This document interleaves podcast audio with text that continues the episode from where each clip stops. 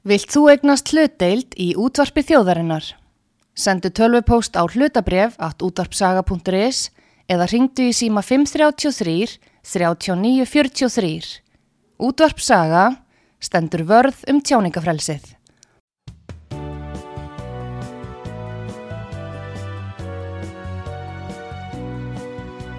Sýtiðis útvarpið á útvarpi sögu í umsjón Pétur Skunlökssonar.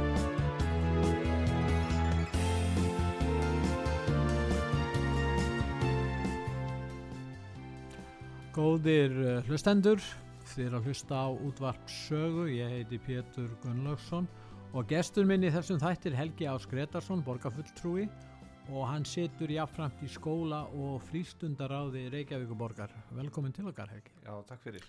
Og ég ætla að byrja á því að spyrja þig um það að morgumblæði heldur því fram þeir voru með grein um, um Reykjavíkurmálinn og vandamálinn þar og þeir segja að það er ekki neyð í Reykjavík út af uh, leikskólum.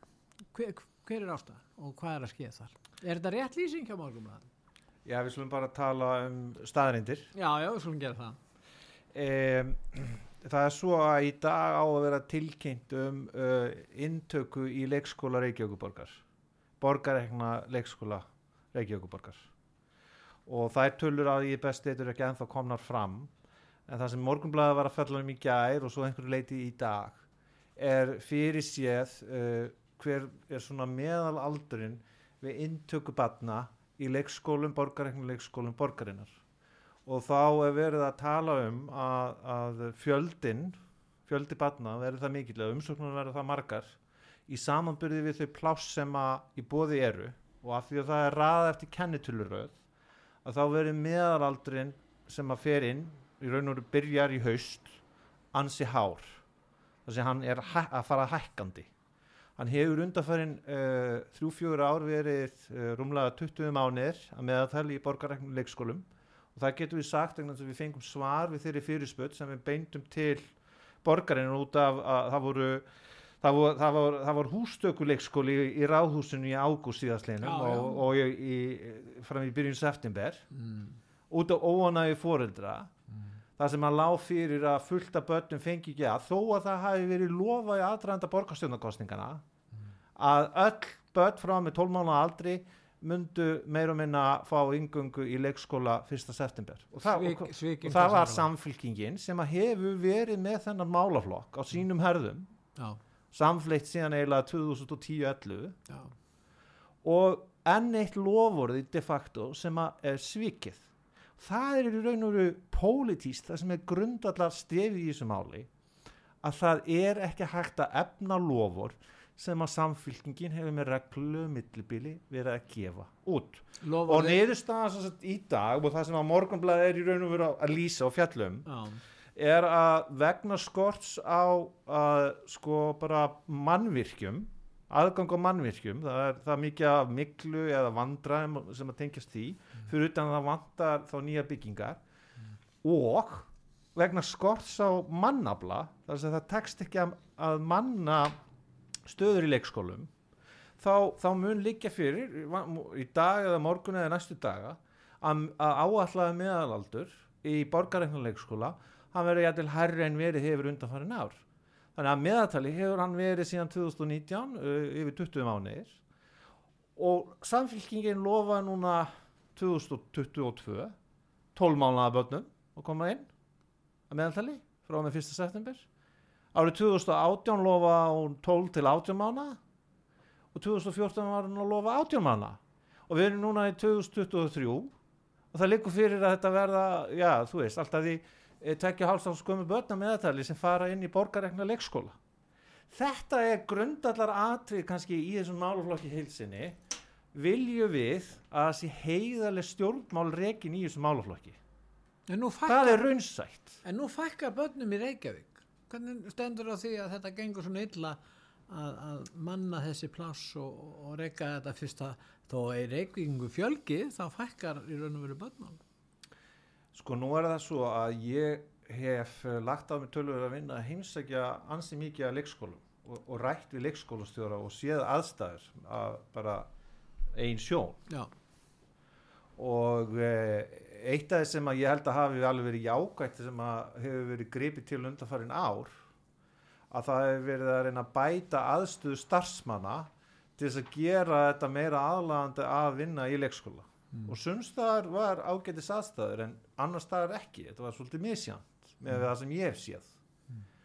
E, og það, það e, gerir að verkum að það, það, það er ein, einn hluti af því að þú þarft þá að minka pláss fyrir börn. En svo er það annað að það var verið til þess að líka bæta aðstæður samkvæmt reglum að, að börn þyrtu uh, per barn að hafa meira pláss en á, áður var. Og þá náttúrulega hefur það ennþá meiri rýmistörf og þá þar að leiðandi getur ekki tekið við eins mörgum börnum. Þa, þetta er alveg Þess vegna þarf að byggja fleiri leikskóla. Þá, þá þarftu þá þarftu nýjar byggingar. Já, já. þá þarftu nýjar byggingar. En, en sko við í sjálfstæðisfloknum við höfum talað fyrir því að nálgast þurfi þetta verkefni með fjölbreyttum hætti. Já. hugsa út fyrir þetta miðstýrða apparat sem borgarekna leikskólakerfið er. Ég er þeirra skoðun að, að vinstri menn sem hafa stjórna borginni í þetta langan tíma hafa viljað, hægt og rólega viljað að þetta væri alls saman uh, stýrt af hinn ofinbera og væri að verulegu leiti miðstýrt. Vegna þess að, að sko ef þú skoða tölur til dæmis varandi dagforeldra svo er hann bara tölur sem að morgunblæði byrtu og er líka aðgengilegt á heimasíðu eh, skóla og frístundasviðs. Þá hafa dagforeldrar farið úr því að vera 203 2015 í 98 síðastliðið haust fakkaði meira en 50% meira en helming Já. og ástæðan fyrir því er svo policy, eða svo stefna að hækka ekki framlög til þessa kerfis að reyna í raun og veru með því að halda áfram að fjölga leikskólabyggingum og fleira að, að draga úr því að uh, reikvíski fóldrar geti sendt börnin til dagfóldra og bara sem dæmi um að, að, að, að afstöðu að mínum að vinstri meiri hlutans í borginni, gagvart dagfóldrakerfinu er að það var sko þver pólitísk nefnd sem að kom með uh, fínar tillögur voru 2018, rétt fyrir kostninga 2018 það sem að hugmyndin var það var fullt af það sem allin var að styrkja dagfóldrakerfi og búa til, sem raunhæfan valkost í, í dagvistunarúrðan fyrir, fyrir reikvísk börn og reikvíska fóreldra Þessu, þessari tillögu, þessari skýslu var bara strax í- undir stól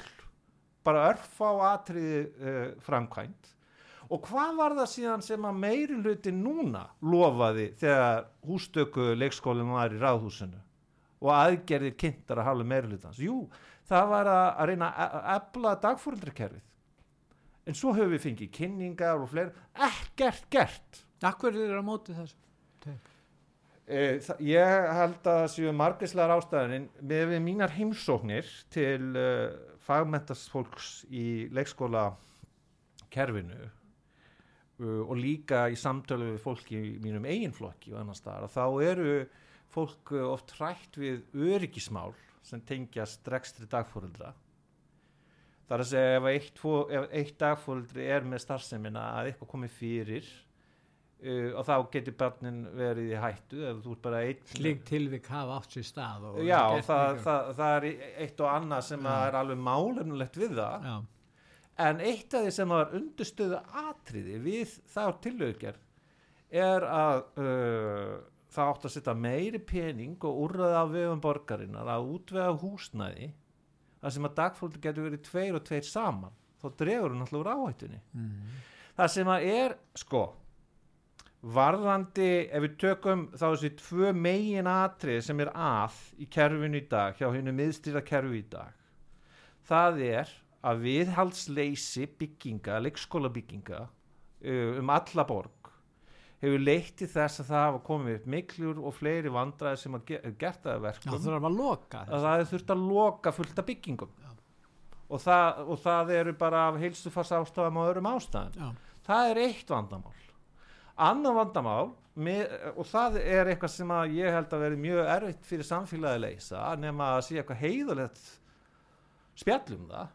Já. og það er hvernig við að manna ef við ætlum að halda áfram að þennja út þetta leikskólakerfi? Þannig að öll börn 12 ára 12 mánu afsakið ættu raunhæða mögulega að komast inn í leikskóla. Þá þurfum við að fá fólk. Við þurfum að fá fólk inn í allar þessar byggingar til þess að sjáum þess að starfsemi. Vandamáli er bara það með við launakjör, starfskjör og annað og aðra möguleika sem að uh, flestir hafa að þá er bara eftirspurnin eftir því að starfa í, í kerfinu ekki nægilega mikil Þú ert að tala um launakostnað. Mér langar að spyrja þig, hvað kostar að hafa hvert barn á heimili? Það lítur að vera einhver viðmiðum til. Nú borga fóreldar ákveðin uppæð sem er bara brota þeirri uppæð sem kostar að hafa barn á leikskóla. Hvað er það há uppæð, cirka? sko 200.000 að barn? Nei, nei, nei, hún er mun hæri uh, sko, Er ég held, ég held uh, ég sé ekki að fara með fleipur en uh, hún er yfir 300.000 Já, 300.000. Á mánuði? Já, en væntalega held ég undir uh, 350, þetta er eitthvað stað þar á milli þrjú. En segðu mig, hvað borga fóreldri svona yfirleitt? Me- uh, með, uh, meðatali er í 30.000? kring, nei, já, kringum 10% uh, aðeins undir 10% af heilda Það er, kostnæðan það er 30.000 innan Já, já, 25, inn í, því, 30. inn í því eru líka mögulega skilur sískina afslættir. Með minnir að tala sér eitthvað í kringum 7-8% Já, að, og svo getur líka verið að þú eigi rétt á enn frekari lækkun af, af félagslu út af mm. fjárasarfileikum eða slíkt sko. Mm, og uh, þetta er til dæmis eitthvað sem að, að mér persónulega sem stjórnmálum finnst eðlilegt og sem hægri manni eðlilegt að spyrja uh, hver á að, að borga fyrir þetta Mm. er, það, er það þá hinn almennu skottborgarar já, eða sá sem er að nota þjónustuna já. og uh, svo, svo snýst þetta líka bara eins og eitt af því sem að hefa komið í óvart í öllum mínum heimsóknum til leikskóla það er, það er oft viðfansinni sem tengjast bara það sem er búður upp á fyrir börnin að borða Já, hvernig leitu það? og þa það er mjög misjant sumi leikskólar eru hefni með að hafa kokk og gengur bara vel og, og Já. er allt í góðu aðrir eru að kaupa hafa innkaupin ma- eða kaupa inn svona Tilbúin mat? já, og þá hafa ófáu kvartað yfir hvað uh, maturinn er, er næringasnauður Já, Og- fyrir börn á þessum já og, og þarna til dæmis ætti að vera eitthvað svigrúm sko ef- ef- getum við borga meira sem fóreldri til þess að barnið fái góðan En það geta sumir fóreldrar auðvitað en kannski aðri. En það Það er eitt í þessu, 300.000. Hafið þá ekki og það hafa nú komið fram hugmyndur um það að segja við fóreldri, já já, þið ráðu því. Þið getið sett barn á daghelmli, það er vattar húsnæði og þurfum að manna þetta, við erum í vandamálum, en við getum borgað ykkur 300.000 og þið spari líka 20-30.000 á að- með barninu. Þá fáið þessa peninga og þið bara sjáuð um barnið. Og þá er barnið heima og fær næringar ykkan og góða mat og, og er í umsjá fjölskyldu sinnar og móður eða föður sem hann vill vera heima, það getur vel verið að hann vilji það. Og væri þetta ekki bara ágætt laus já, sko, en það þarf ekki endilega að vera 300 ég get segja, það getur verið læra upp að en þið getur þá sparað, ef þið farið læra þá er það að spara. Og svo þurfum við ekki að byggja þetta húsnæði heldur og svo náttúrulega eru, eru mörg ja, börn sem vilja vera heima og foreldrar og mæður sem vilja. Þetta myndi alltaf þýða það að, að kannski væru foreldri ekki á vinnumarkaði og þá kemur það kannski freka niður á konum en það er, konur ráða því hvort þeir verði heima eða, eða verði með börni heima það er mjög mikilvægt að afstæða sjálfstæðisflóðsins í þessum málflokki hefur, hefur lotið að frjálslindi að fólk geti valið. Séu fjölbreytna lausnir í bóði Já, ég er að tala um það. og fyrir, eh, við skulum segja minnir að fyrir sex vikum eða eitthvað, álíka í, í borgarstjórn, þá lagði sjálfstæðisflokkurinn til mm. að bóðu yrðu upp á 200.000 króna Einmitt. og þetta var tekið til umræðu og það hefur verið eh, stefna vinstri flokkana samfylkingar en náttúrulega sérstaklega og vinstri græna Mm. að svona lausn í leikskólamálum sé ekki bóði uh, út af uh, áhyggjum þeirra því að það verði fyrst og fremst konur sem verði heima og að, að þetta væri skref aftur og bak En það er- ekki hérna dómgreind hvenna hvort þær vilja vera heima í en, en, en svona er heit pólitíska landsla í þessum málaflokki það, megi, ekki tala um raunhæfar lausnir við að þoka málum áfram við að fakka bygglistum við það að tryggja að, að fólk eigi val Já, og jættil að spara skattpeninga eins og þú Já. ert að segja. Já, vegna þess að það er mjög dýrt fyrir skattgreðendur já, að borgin þennji út hið miðstýra leikskólakerfi með því að fjölga byggingum. Mm. það er líka mikil áhætt eins og komið hefur á daginn. Það er mikil áhætt, það tölver áhætt fyrir skattgreðendur í því fólkin að eiga húsnaði eins og þetta svona sérhæft húsnaði og reka það. Skilur Þa, það er áhættan er á skattgreðendur vegna þess að ef það kemur mikla eða eitthvað annað þá þurfum við að eða peningum í að gera við það. Og ef það var alltaf að bæta við og þá, þá, er, þá er verið að taka fjárhagslega áhættu fyrir skattgreðendur þannig að skilur að það sé eina lausnin að fjölga leikskólum það er að okkar mati getur ekki verið skinsamlega leiðin við höfum líka talað fyrir því það er að segja fyrir utan efla dagfóröldakerfið og hafa heimgreislunar að efla möguleika sjálfstætt starfandi leikskóla að, að hefja stafsum mm.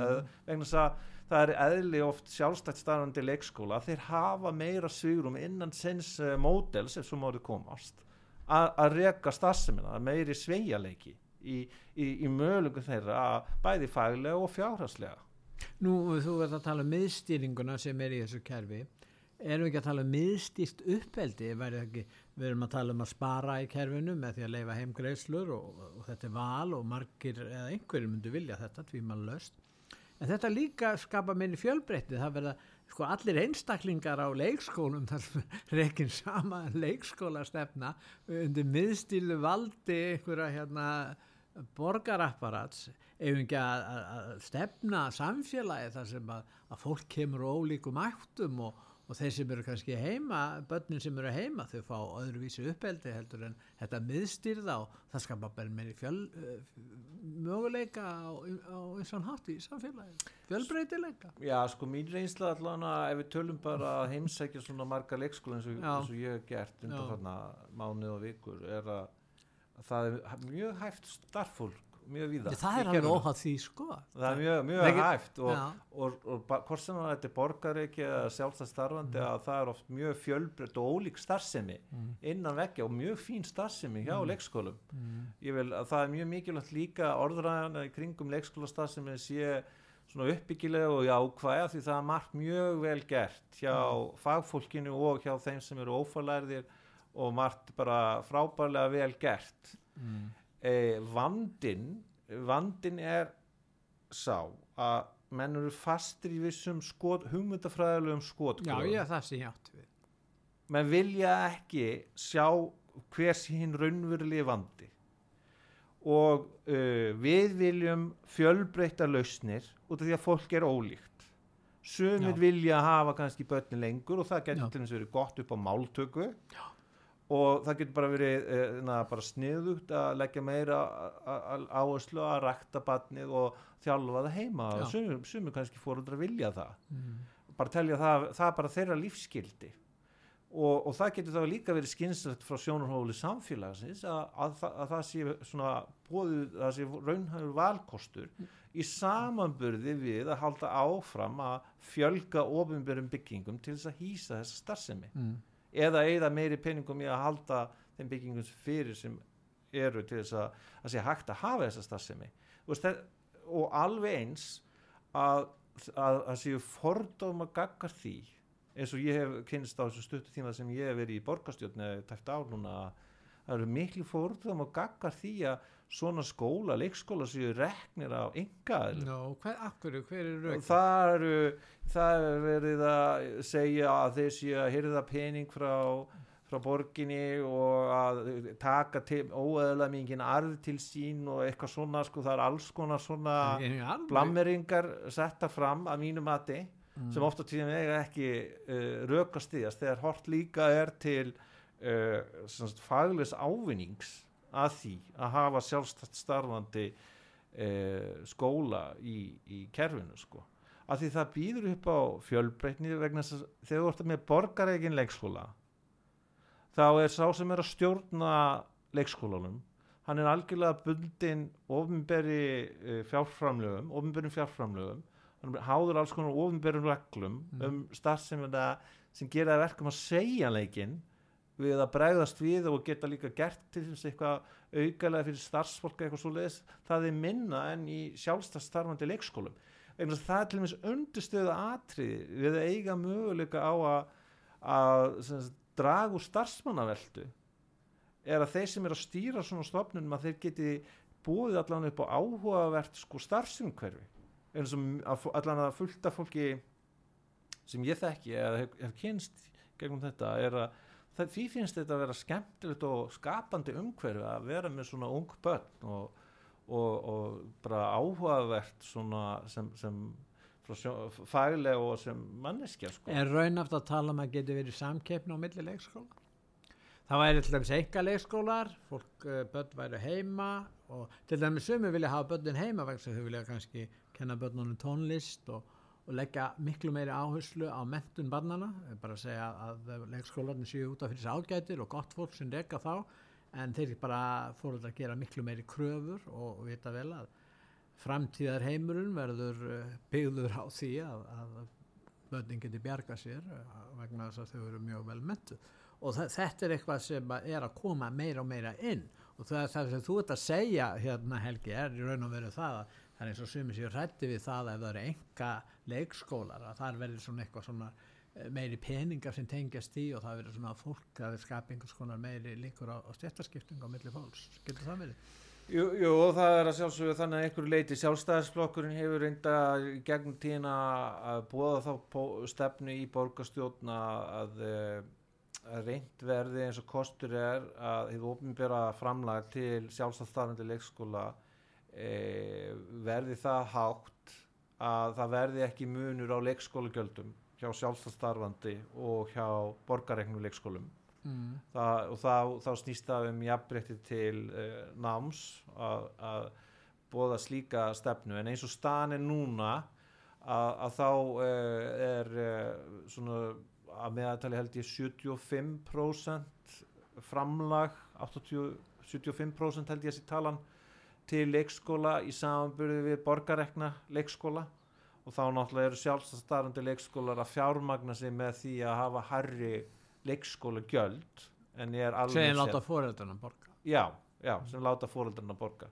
Mm.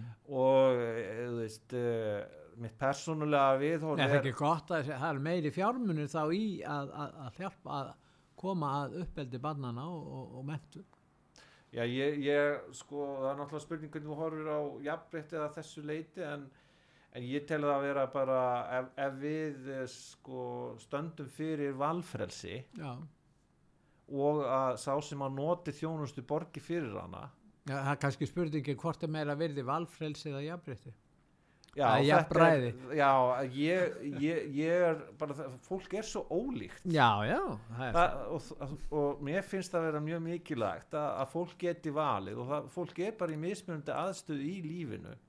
Og sá sem að er til dæmis með kannski herri tekjur og meiri eignir og svo framvegis að hann getur valið að fjárfesta meira í uh, uppeldi barnana vegna það er til dæmis eitt atrið það er eitt mjög mikilvægt atrið sem ég hef lært í mínum samskiptum við eins og Mm. leikskólastjóra og þar sem starfa við leikskóla er að við eigum að horfa á starfsemi leikskóla sem fyrsta stig í skólakerfinu og þetta skiptir mjög miklu máli líka upp á máltöku og að, að bera virðingu fyrir fagmentun þeirra sem er að starfa í leikskólum. Og líka annað sem ég finnst vera mjög umhugsunavert fyrir þá sem eru í borgarpolítikinni ef fólk fer á milli mismundi staða sem er þessar starfsemi að sumstaðar í sumum hverjum borgarinn er mjög hátt hlutfall af uh, börnum sem eru að ganga í leikskóla og eftir aðtengum líka í grunnskóla sem eru af erlendu bergi brotið Já, og þetta býr til uh, fullt af áskorunum og sem við, við verðum að að mæta og það, fólk er alltaf vilja gert sko, ég, að það er allavega mínu upplöfun svona almennt séð að, að flestir eru að reyna að gera sitt uh, besta Er einhverjar árangusmælingar varðandi stöðu barna velendum uppruna? Hvernig það gengur? Ég meina, það ljóst að það er mikla breytingar í okkar samfélagi og eh, ég veit ekki hvað hlutfallið er, þú veist það kannski hvert er hlutfall ellend, uh, barna velendum uppruna á leikskólum en það er ljóst að þau tala ekki íslensku þegar til að fyrir, einhvern tíman eftir ákveðin tíma ef þau eru að koma hérna innbætt frá öðrum löndum og, og það hlýtur að skapa ákveðina hérna, ákveðin vandamál á, á leikskólan. Já, allavega í sumum hverfum er þetta hlutfall mjög hátt Já, og hvað þýðir það? Já, allavega, ég, ég fyrir stutti var að heimsækja hvað, tvo, þrjá leikskóla í Breiðolti Já, það sem að ef mér minnir ég sé ekki að fara eitthvað í kringum að, hvort það hafi verið 60% frekar en 45 eitthvað svo leis, þetta var allavega mjög hátt hlutfall. Og, og líka var ég fyrir stuttu bara ef við tölum um grunnskólan eins og í fellaskóla. Já, Þa, það er hlutfallið kon- uh, vel yfir 80 eða ekki næ 90% það sem fólk er semst um en ef við tölum um leikskólan líka, eins og til dæmis ég var í heimsækjað leikskóla í Breiðolti að og það var líka bara hefni fyrir starfsemina þar að þarna var komið mikið af, af sem sagt, börnum sem eru mælandi á arabísku. Og, og, og til voru sagt, það var þau gáttu ráðið starfsmann af, uh, frá held ég Sýrlandi sem gat hann talað arabísku sko og hjálpa til nefnir reyður hann verið túr. Nei, viðkomandi var með fagmentun en ég meina það var bara þá eh, starfskraftur sem að stóð til bóða Já, og sem að var alveg lógist að ráða óháð tungumálaþekkingu mm. en ég sko uh, staðan í leikskólum er að varðandi faglega hlutan að það, það er full ástæða fyrir samfélagi að velta ýmsu fyrir sig hvað það varðar. Eins og til dæmis að ég held að hérna í Reykjavík sér hlutalli komið nýr í 27% þar sem að eru fagmentaðir uh, leikskólakennar 73% eru ekki mentaðar á þessu við já, Það Það er er- líka fyrir. já, ég var bara að skoða hérna fyrir þetta vita, þá var ég að skoða tölur frá sem eru hérna á heimasíðu uh, skóla og frístunda síð það, það er talan sko En ef það, ef það er ákveðin vandamál út af því að þarna eru koma inn börnavelendum uppruna, fer fram frjáls og opin umræða um það innan borgarkerfisins um hvaða, hvernig nægi að leysa slíku vandamál?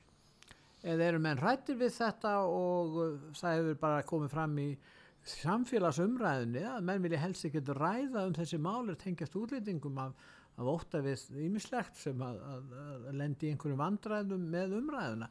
Það verður náttúrulega langt best að hér væri opin og, og fordómalaus opin umræða um ímismál og þar á meðal vandamál sem tengjast útlendingu líka sko nú er það svo að ég er líka í fjölminningar á því Já, nú er í í- fjölmenningar á því já, hjá Já. borginni. Það er svona sem að á að stuðla fjö, fjölminningu að, að bera virðingu fyrir fjölminningu og, og hérna vera með svona upplýsingar sem að tengjast því og, og stöðu fólks af Erlendubergi brotið og líka í skóla og frístundaraði og maður hefur fengið mikið kynningum innan borgarkerfisins og, og það er margt ágætt sem að hefur verið gert í, í þeim málum virðist vera eða það er allavega mjög margir svona einstaklingar sem eru áhuga samir sem er að sinna ímsum verkefnum fyrir hönd borgarinnar og fullt af hæfi fólki líka sem að er, er til þess að er ráðið til þess að ná til að ákveðna hópa.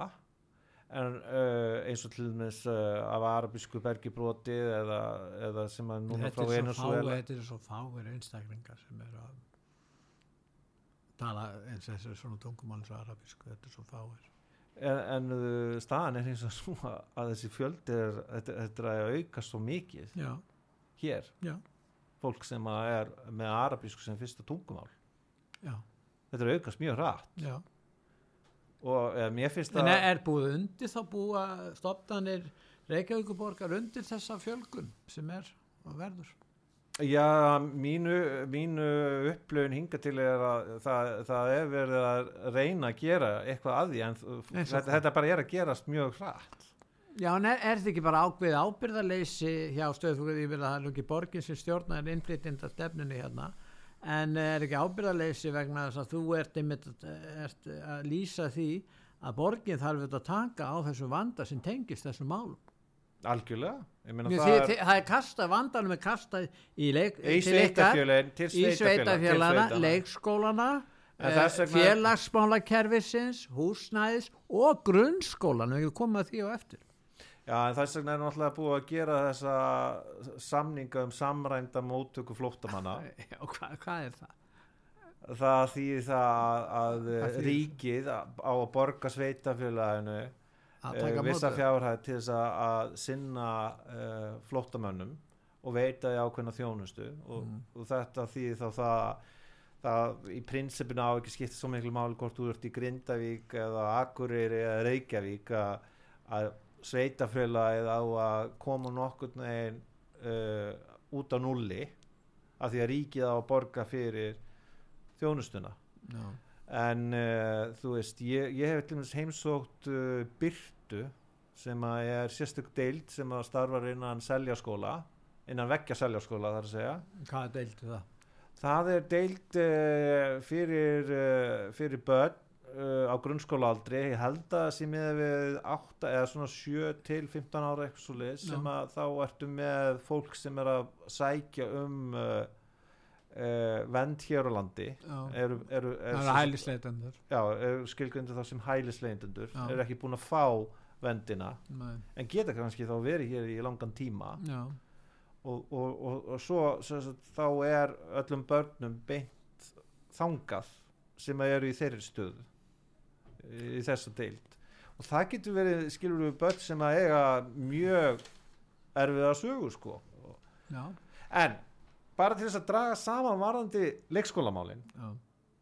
að það er ekki hægt að ástunda áfram vinnubröð þar sem þú lofar og lofar og lofar og fyrir séð er að þú getur ekki staði við það við í sjálfstæðarsloknum við höfum viljað segja við erum að bjóða upp á fjölbreyttar lausnir án fordóma til þess að koma til móts við uh, starfsfólk leikskóla, foreldra og börnin sjálf, sjálf að sjálfsögðu. Og það gengur ekki að vera með stefnu þar sem þú ert alltaf að segja já, nú á meðaltali á aldurinn að vera 12 mánu sem að börnin er að koma inn. En þegar sko stefnan sem að er verið að, að reka leiði til þess að meðalaldurinn fyrir frekar hækkandi en hitt og er komin vel yfir 20 mánu Góði hlustendur, þið er að hlusta á útvart sögu. Ég heiti Pétur Gunnlaugsson og gestur minn í þessum þætti er Helgi Ás Gretarsson, borgarfulltrúi og uh, situr í skóla og frístundaráði Reykjavíkuborgar og við ætlum núna að hlýða á nokkra auðlýsingar og eftir auðlýsingar hlýða þá höldum við umræðinni áfram.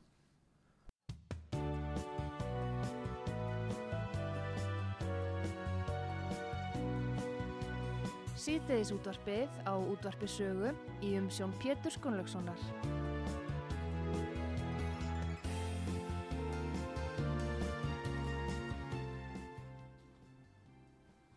Góðir uh, hlustendur, er að hlusta á útvart sögu, ég heiti Pétur Gunnlaugsson og ég er að ræða við hann Helga Ás Gretarsson, hann er borgarfulltrúa, en hann situr í skóla og frístundaráði Reykjavíkuborgar. Nú höfum við að ræða um leikskólan, hérna, Helgi, og fyrir núna yfir í grunnskólan. Hvernig er ástandi í grunnskólan? Nú þetta er auðvitað dýrustu og, og mestu útgjöld borgarinnar fara í grunnskólan og leikskólan líka þannig að þú ert að uh, höndla með mikil verðmæti Helgi jú, jú. og hvað segir þú, hvernig er ástandi í grunnskólan nú hafa sömur sagt og síðustu ár höfum við heist að drengjum gangi illa í skólanum. Og læri ekki að lesa, þessi bara ansi stór hópu sem er talað 25-30% eða erfitt með að lesa. Og það gengur þá illa þegar þið farið framhaldsskóla og hætta þar. En sko já, það, var, það, var könnun, það var könnun PISA könnun já, ég held að hún sé fyrir COVID 2018 eða 19 já, og þá var niðurstaðan svo að 34% drengja uh, í tíundabekk áttu ekki lesið sér til gags og talan fyrir stúlku var eitthvað held ég 16% er þetta ekki skelvilega tölv? Jú sko varðandi uh, ég verð að viðkjöna á, á þeim tíma sem ég hef verið í borgarstjórn þá hef ég verið að leggja mikla áherslu á að kynna mig vel uh, leikskólamálin, byrja Já. þar og Já. fara síðan í, í grunnskóla og svo í frístundum að taka þetta svolítið skiplega fyrir eh, sko það er sko mentastefna Reykjavíkuborgar sem er með fullt af uh, fallum orðum og einstaklingsmiða nám og það, þú veist, það eru há, háflegar yfirlýsingar í þessum stefnu skjölum eh, og eh, það er auðvitað margt vel gert í, í grunnskólum Reykjavíkuborgar ég hef svo sem ekki ástæði til ætla það. E, ég hef líka náttúrulega verið með ansi mörg börn sjálfur sem foreldri, Já. sex börn já, sem hafa gengið í gegnum uh, grunnskólakerfið í, í Reykjavík. Já, og uh, það er sko ég, ég held að það sé alveg sangjant að segja allan að, mí- að mínum að þetta er, er ekki mjög mikil áherslu lögð á kannski bráðgefin börn til dæmis eða hvernig er að virkja börn sem eru mjög, mjög, hæfileika rík á einhverjum sviðum eða til eins og til dæmis mögulega í starffræði eða, eða í íslensku eða í öðru leiðist þeim bönnum kannski. Já, ég myndi allan að fyrirfram hafa áhugjör af- af því, ég, ég, persónlega sem Já. ég, nú tala ég bara já. reynslu það að að e, þú veist, ég tel að það e- eigi að gera meiri kröfu bara um hefðbundin gildi í mentakerfinu, í grunnskólakerfinu Já, sem þýðir það, að, að, það vegna þess að ef þú lærir töflunum utan móka, kant grundallar aðri í starf, kant að lesa Mm. og lesa þetta í gags og svona, það sé bara ákveðin ægi já, sem fylgir því að vera í skóla það er, fyrst, það er aðal atrið við mentum, það er að, að maður læri vinnubrögð já, vegna þess að þá getur maður síðan nota þau, þá færni í að tilhenga sér hvað sem er setna meir á lífsleiðinni. Já og ég auðvitað í framhaldsskóla fyrst og fremst. Jú, jú, jú, jú, algjörlega en þarna er grunnurinn lagður. Og uh, það er oft sko, það er orðið ansi svona háfleitt allt saman sko, og sundaði náttúrulega kemur frá bara mentamálaráðunitin, þarna erum við að tala um mentastefnu en uh, semst frá hinu ofinbera frá, frá En er það ekki vandamálið, það er þessi opinbera mentastefna Jú, ég allavega skulle segja, skulum segja bara, ég, ég kynna það að svo minnst kosti er ég svona íhaldsamur Já, í uh, mentamálum að, að sko við þurfum, börnin okkar þurfum ekki að fara að læra hérna að mínu mati að það er að vera eitthvað aðalatri að læra hérna um ótal uh, uh, kynneiðir eða, eða Black Lives Matter eða fullt af hlutum í lífinu mm. sem þau geta Sem er bara kynnt er- sjálf sem er pólitík Uh, se- að mínum að þetta er það póli Já. en svo kunna þeir eftir langa skólagöngu kunna var alltaf lesa eða allt og hátt hlut það kann ekki að lesa sér til gags Mm. og kunna ekki að reikna Nei. og eiga erfitt líka þá með að tilíka sér sko önnu tungumál Já.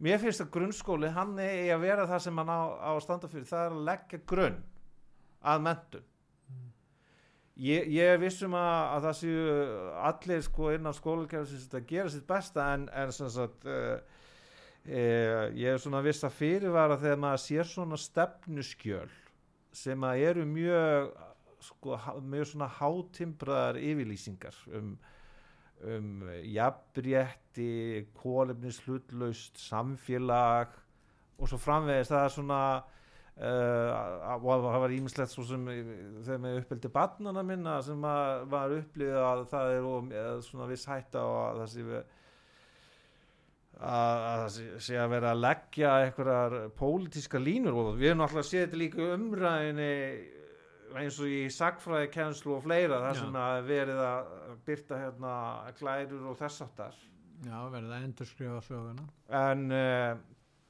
en sem sagt sko það hafa almennt séð í skóla og frístandráði verið svona kannski minni pólitísk átök um uh, grunnskóla kerfið myndi ég eins og ég hef uh, séð það það Það er líka komið nýtt fjárhagslíkan fyrir, fyrir starfsemi grunnskólana. Það er til dæmis eitt af það sem er miklu alvarlega að fyrir leikskólana, hérna borgarreiknu leikskólana að, það er uh, fjárharslíkan sem að gengur ekki upp að það er oflitlum peningum varið þeir bara duga ekki fyrir uh, helstu nö, helstu nöðsynum sko, eins og leiktækjum eða, eða uh, bókum og svona Já. en það er uh, búa að innleiða eitthvað kerfi í hérna, ég held að hún heiti Eddan í grunnskólunum þannig að fjárhæðurinn ætti að vera eðlilegri þar hérna í grunnskólunum Reykjavíkur sko.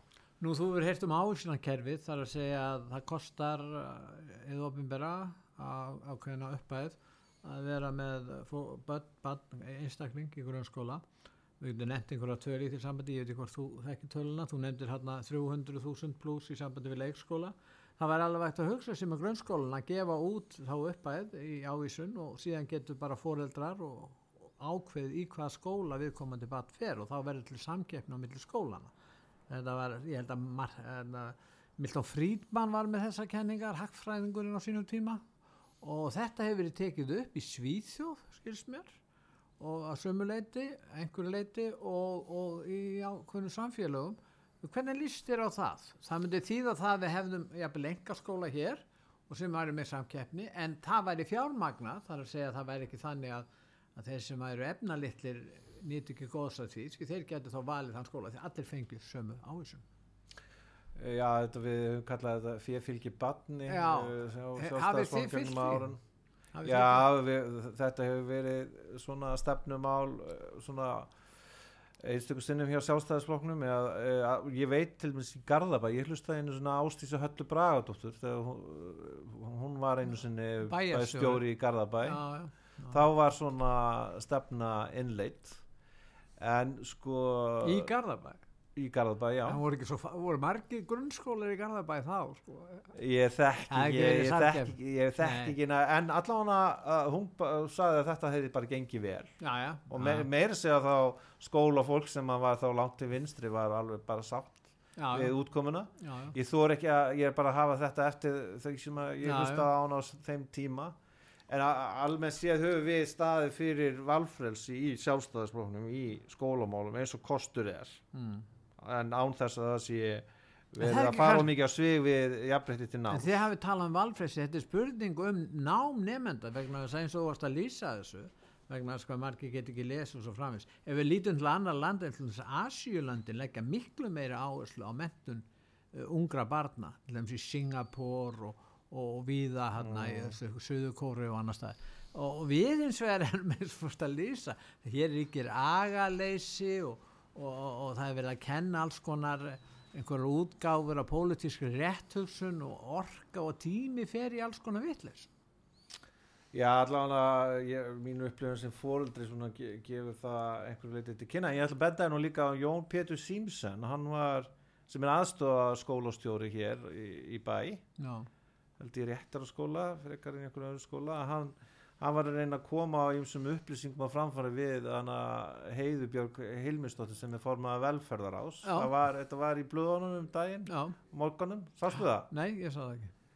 og uh, það, það er bara upplýsingar frá PISA og það sem er uh, ástæð til þess að hafa áhugjur að bara félagsfærni líka íslenskra ungmenna eins og þetta er í dag út af símum og öðru og, og fleiru og líka getur þeir til þess að læra. Já, og uh, já, að, sko fréttin var síðan á þá leið að hún hún er einhvern veginn blokkeraði hann til þess að þannig að hún þyrfti ekki að hlusta á hann sko. Þannig að þetta, var í fréttin bara fyrir stuttu. Já, en pe- persónulega sko þá finnst mér það, það, það sko að eh, almennt séð um rekstur Reykjavíkuborgar og viðhorfum sem eru oft í hjá í embættismannakerfinu sko er að ég, ég vil að sjálfstæðsflokkurinn standi fyrir höfum grundallar atriðin í lægi já, höfum grunnreksturinn í lagi, höfum grunnþjónustunni í lagi, höfum grunnmenturinn í lagi og ef við höfum eitthvað meira svigrum, ok, þá getum við að fara að leika okkur. mm. En í persónlega þá uh, bara er margt uh, sem maður hefur upplifað að fólk er bara komið upp í uh, sko skíin á þess að grunnurinn sé sko rétt lagður.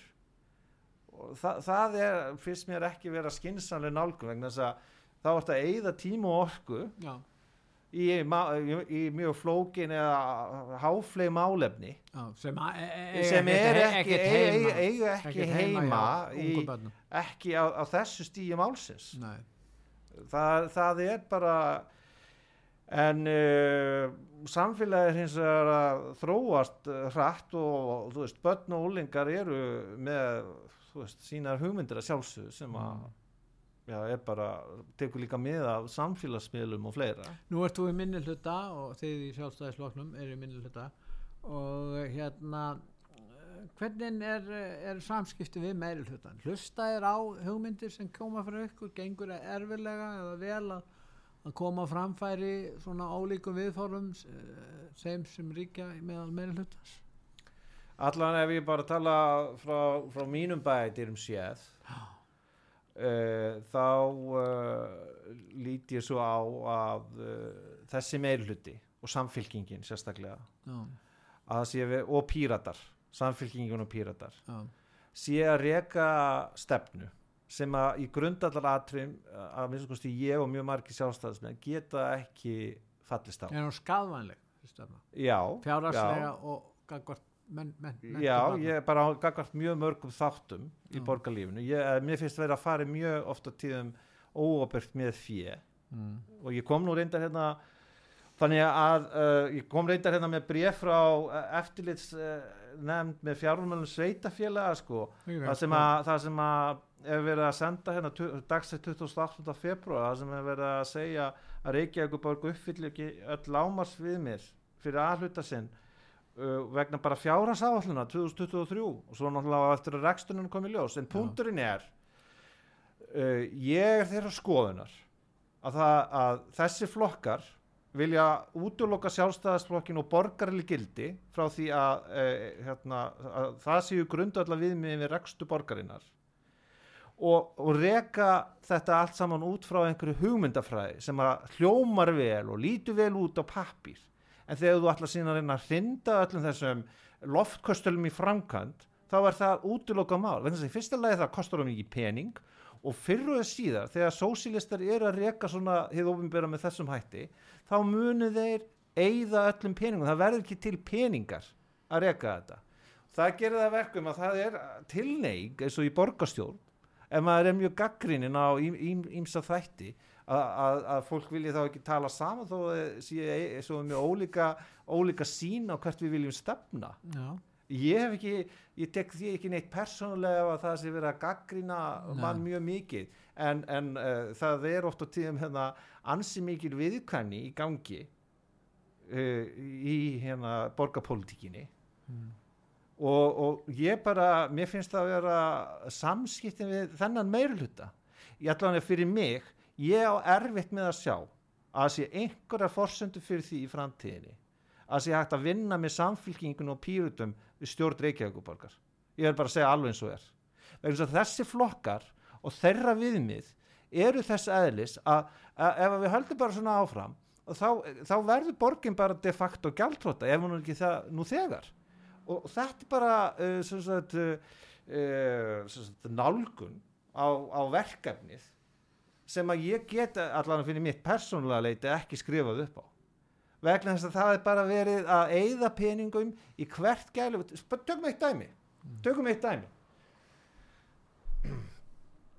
Umhverfis og skipulas uh, ráð fundaði fyrir stuttu og veist það þetta, þetta bref hérna þá lág þá fyrir það sem er bara fullt að hérna ákveðinu lámarsviðmiðum ekki uppfyllt. En þeir samþyktu samt að undirbúa að halda áfram að eða nokkur hundur miljónum í að hérna, endur hana lækjatorg já Kostaði ekki, kosta ekki 300 miljónur að tekna hann? Jú, bara halda áfram mörg hundru miljónar svona verkefni. E og, eða halda áfram að, að hérna, sko ég allan er þeirra skoðunar að þegar rekstu borgarinnar er svona ósjálfbær og það er, það er að vera endalaust að búa til eh, nýja starfsópa, nýja stýruhópa uh, auka baknið auka fjölda starfsmöra Reykjavíkuborgar og hvernig er þetta borgað síðan hjá aðlutunum það er bara með skuldabrjöf útbóðum með lántökum. Það er ekki hægt að sko, ég tel að það sé ekki hægt að reka hið ofinbera á lánum engungu En nú, nú talar þú um samfélkinguna og pírata. Nú eru það fjórir borgarfulltrúa framsóknarflokksins og einn borgarfulltrúi viðreisnar sem að viðhalda völdum uh, samfélkingar og pírata í Reykjavík. Hvað segir á þetta eiga að vera borgarleir flokkar og með þess að viðreist uh, gerir mikið úr því að þessi sko flokkur sem vil draga úr ríkisafskiptum og ofnbjörnum útgjöldum. Hvernig, uh, hva, hvað finnst þér um þetta til þeim sjá framsóknarflokknum? Er þeir ekkert að reyna að draga úr þessari rótæknu sem þú lýsir af hálfu samfélkingar og, og býranda? Nei, ég, svo, þú veist, það er bara mjög eðlert þegar samfélkingin er búin að hafa svona mikil áhrif á embættismannakerfi hjá Reykjavíkborg. Já, Þú veist, það embættismannakerfi verður þá hægt að síðan til samdöina valdhöfum og fólk verður hrætt. já, Það er bara eðlilegt. já. Og það verður líka valda þreita. Og það er bara mjög skadilegt að horfa upp á hvernig vinnubröð samfélkingarnir og þeirra meðra sveina er, að mínu bati. Þannig að þeir stjórna embættismannakerfin innan borgarinnar Allt og sko, allt það, of eru marg, það, eru, það eru mjög margi fínir embættismenn hjá Reykjavíkuborg Mm. og ég kynst bæði mjög góðum og mínum að ekki svo jafn góðum, Nei. bara eins og gengur að gerist Nei, en á móti kemur að, fyrir okkur sem er í anstöðinni það er mjög misjant hverju maður getur treyst fyrir, fyrir upplýsingagjöf og fyrir hvernig hvort það sé verið að vinna fælega hlutum eða ekki. Og það er allan að mín, uh, mín skoðun. Og, og það er svo mikilvægt. Það er grundallar atrið að það þarf að skera upp stjórnsýslukerfi í Reykjavíkuborg svo að fókusin fari úr þessum loftkostölum í grundallar atrið svo við höfum grundallar atriðin í læg Það er engungu, þannig Mm. sem hægt er að draga með skipulegum hætti úr skuldahalanum og úr, þessum, úr þessari órasíu sem að borgin er. Þú, þú, það er verið að setja alls konar svona starfshópa, embætismann og stýrihópa talandi um einhverja loftkendar hugmyndir. Við þurfum bara praktíska stjórn á borginni sem er, sem er áhuga á verklegum framkvæmdum, það sem er áhuga á því að halda fjárasáallanir, það sem er áhuga fyrir því að fara vel með skattfjö og bara tökum við sem dæmi hérna, stafræn vegferð þessara eh, hjá, hjá pýrutum og það, það er til dæmis bara fullkomlega óljóst. Hver, hver hefur verið ávinningu skattgreðendar Reykjavíkur að þeirri vegferð allri? Í samanbyrju við aðra valkostu sem í bóði voru fyrir mun lagri fjárhæðir að mínu mati það er svo mörg svona verkefni uh, sem að bara uh, kosta skattgreðendur Reykjavík töluverðan pening og þetta býr líka til andrúsloft þetta býr til andrúsloft þess að það bara skipti voða litlu máli hvort þú sért að eða 10 miljónum eða 30 miljónum Helgi, við verðum að fara að ljúka þessu en það er ein spurning sem ég vil varpa fram uh, telur þú að meiri hlutin muni halda allir streitu þessari áallun sinni samgöngu áallun borgarlínan sem að kostar miklu meira en þeir gerur ráð fyrir í upphafi og það gera flestu sér grein fyrir þetta er stórmál að sjálfsögðu er þetta stólmál og það er náttúrulega er þannig að, að uh, það er ekki útlýtt fyrir annað því miður að mínu mati hvað er allir að fá peninga í þetta? frá ríkjum eða hvað? Það, það er mörgum spurningum varandi það er bara ósvarað og uh, við komum með tillögu uh, sjálfstæðismann í borgarstjórn Mm. fyrir nokkrum vikum 21. februar ef ég minni rétt það sem ég lögðum til að, að uh, samgangu sáttmælu höfuborgarsæðisins að hann yrði endurskoðar á grundilli þar til bæs ákvæðis Mhm. uh, til að hann var, var feld en það voru áhugaverðar umöðar um þetta. Það sem þetta viðfansefni snýst um er í raun og veru að gjörbreyta hérna, samgöngu kerfinu hér. Og hugmyndin svona í grunninn er að ríkið greiði fyrir þetta að mestu leiti en ekki bara ríkið heldur á líka að sko skatleggja þá sem er að nota vegtólla vegtólla, já. Já. uh, menn tala um, um þetta með ýmsum hætti en þetta er þá viðbóta skattlagning á þá sem að nota vegina. Uh, það er e- eitt út af fyrir sig sko. en það sem að ég hef lagt tölvera áherslu á er að við slumum segja núna er þetta viðbóta strætukerfi komið í gagnið sem að kallast borgarlínan. Mm. hver á að sjá um að reka hvar er eftirspunnin með við veðufar og menningu hér? Hver á að reka þetta? Og hver á að taka áættuna af rekstrinum það vegna þess að við hefum ekki fengið fullnægjandi rekstraráallun eða fjárhástáallun varandi það. Til þess bara eitt í staði fyrir það sem að margir sérfræðingur, umfyrir hafa verið að tala um e, það er í staði fyrir að þú miðjusettur strætóin það verður að hafa, almenningu verður að skilja það að borgarlína, það er ekki e, hérna, lest eða léttlest eða sporvagn eða, þetta er strætó þetta er bara strætó eins og er í dag nema hann verður ennþá starri hann verður ennþá starri og það er svo mikill munur, kostnæðamunur á því hvort þú hefur verið þá bara til hlýjan og þú hefur sér aðgreinar eða hvort þú hefur verið í miðinni vegna þess að það er, það er samstað um það að þurfa bæta almennissamgöngur mm. og það þurfa fjárfyrst í meira verulega í almennissamgöngum vegna þess að það, það er, uh, er óumdeilt en það er bara hvernig ná að gera en er þetta ekki bara óraunhaft og úrheld úrheld þessi áætlun miðar við allt aðra framtíð sem verður í samgöngum ja, sem búist er við í framtíðinu það er það er sömur sem segja það. Ég, ég, ég hef ekki næja þekkingu til að geta spáð fyrir um það. Nei. eina sem að ég hef talið að sjálfstæðisflokkurinn ætti að standa fyrir og á að standa fyrir það er ábor, ábyrg meðferð á, á skattfjö við verðum meðal að hafa það síðustu orðin. Þetta, þetta er ákvæmt síðustu orð.